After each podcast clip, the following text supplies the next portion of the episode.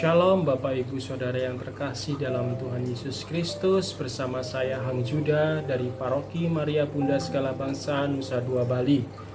Renungan Geni 29 Mei 2021 Dengan tema yang saya ambil tantangan iman dari bacaan Markus bab 11 Ayat 27 sampai dengan 33 Lalu Yesus dan murid-muridnya tiba di Yerusalem ketika Yesus berjalan di halaman bait Allah Datanglah kepadanya imam-imam kepala, ahli-ahli Taurat dan tua-tua, dan bertanya kepadanya, Dengan kuasa manakah engkau melakukan hal-hal itu? Dan siapakah yang memberikan kuasa itu kepadamu, sehingga engkau melakukan hal-hal itu? Jawab Yesus kepada mereka, Aku akan mengajukan satu pertanyaan kepadamu, berikanlah aku jawabnya, maka aku akan mengatakan kepadamu, dengan kuasa manakah aku melakukan hal-hal itu?' Baptisan Yohanes itu dari sorga atau dari manusia? Berikanlah aku jawabnya. Mereka memperbincangkannya di antara mereka dan berkata, Jikalau kita katakan dari surga, ia akan berkata, Kalau begitu, mengapakah kamu tidak percaya kepadanya? Tetapi masakan kita katakan dari manusia, sebab mereka takut kepada orang banyak, karena semua orang menganggap bahwa Yohanes betul-betul seorang nabi. Lalu mereka menjawab Yesus, "Kami tidak tahu." Maka kata Yesus kepada mereka, "Jika demikian, aku juga tidak mengatakan kepadamu dengan kuasa manakah aku melakukan hal-hal itu." Demikianlah sabda Tuhan, terpujilah Kristus. Bapak Ibu Saudara yang terkasih dalam Kristus, setelah membaca perikop di atas, kita semua tahu bahwa berkali-kali para petinggi keagamaan Yahudi ingin menjebak dan menjatuhkan kewibawaan Yesus. Namun semuanya itu dapat dipatahkan oleh Yesus dengan hikmat Allah. Yesus tahu maksud dan tujuan pertanyaan imam-imam kepala, ahli-ahli Taurat dan para tua-tua. Selanjutnya, Yesus menjawabnya dengan pertanyaan.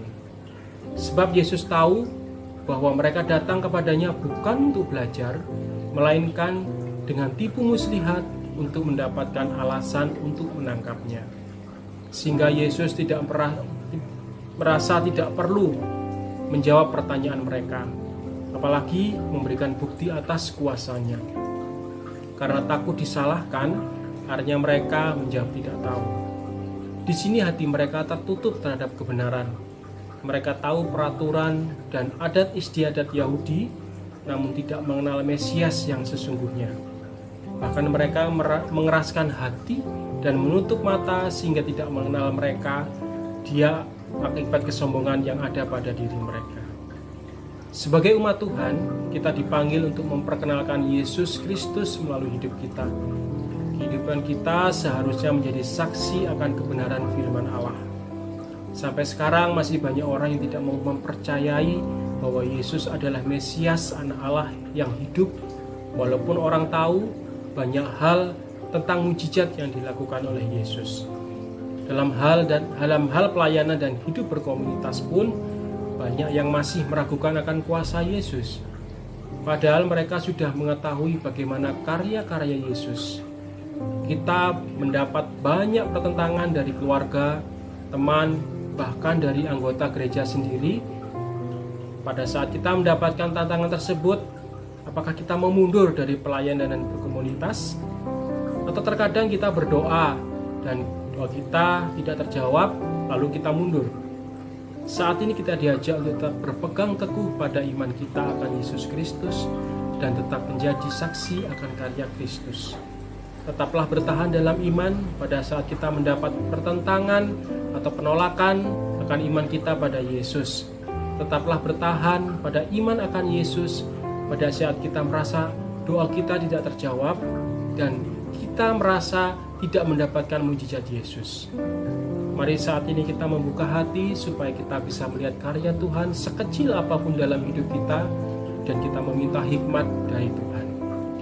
Tuhan Yesus memberkati. Amin.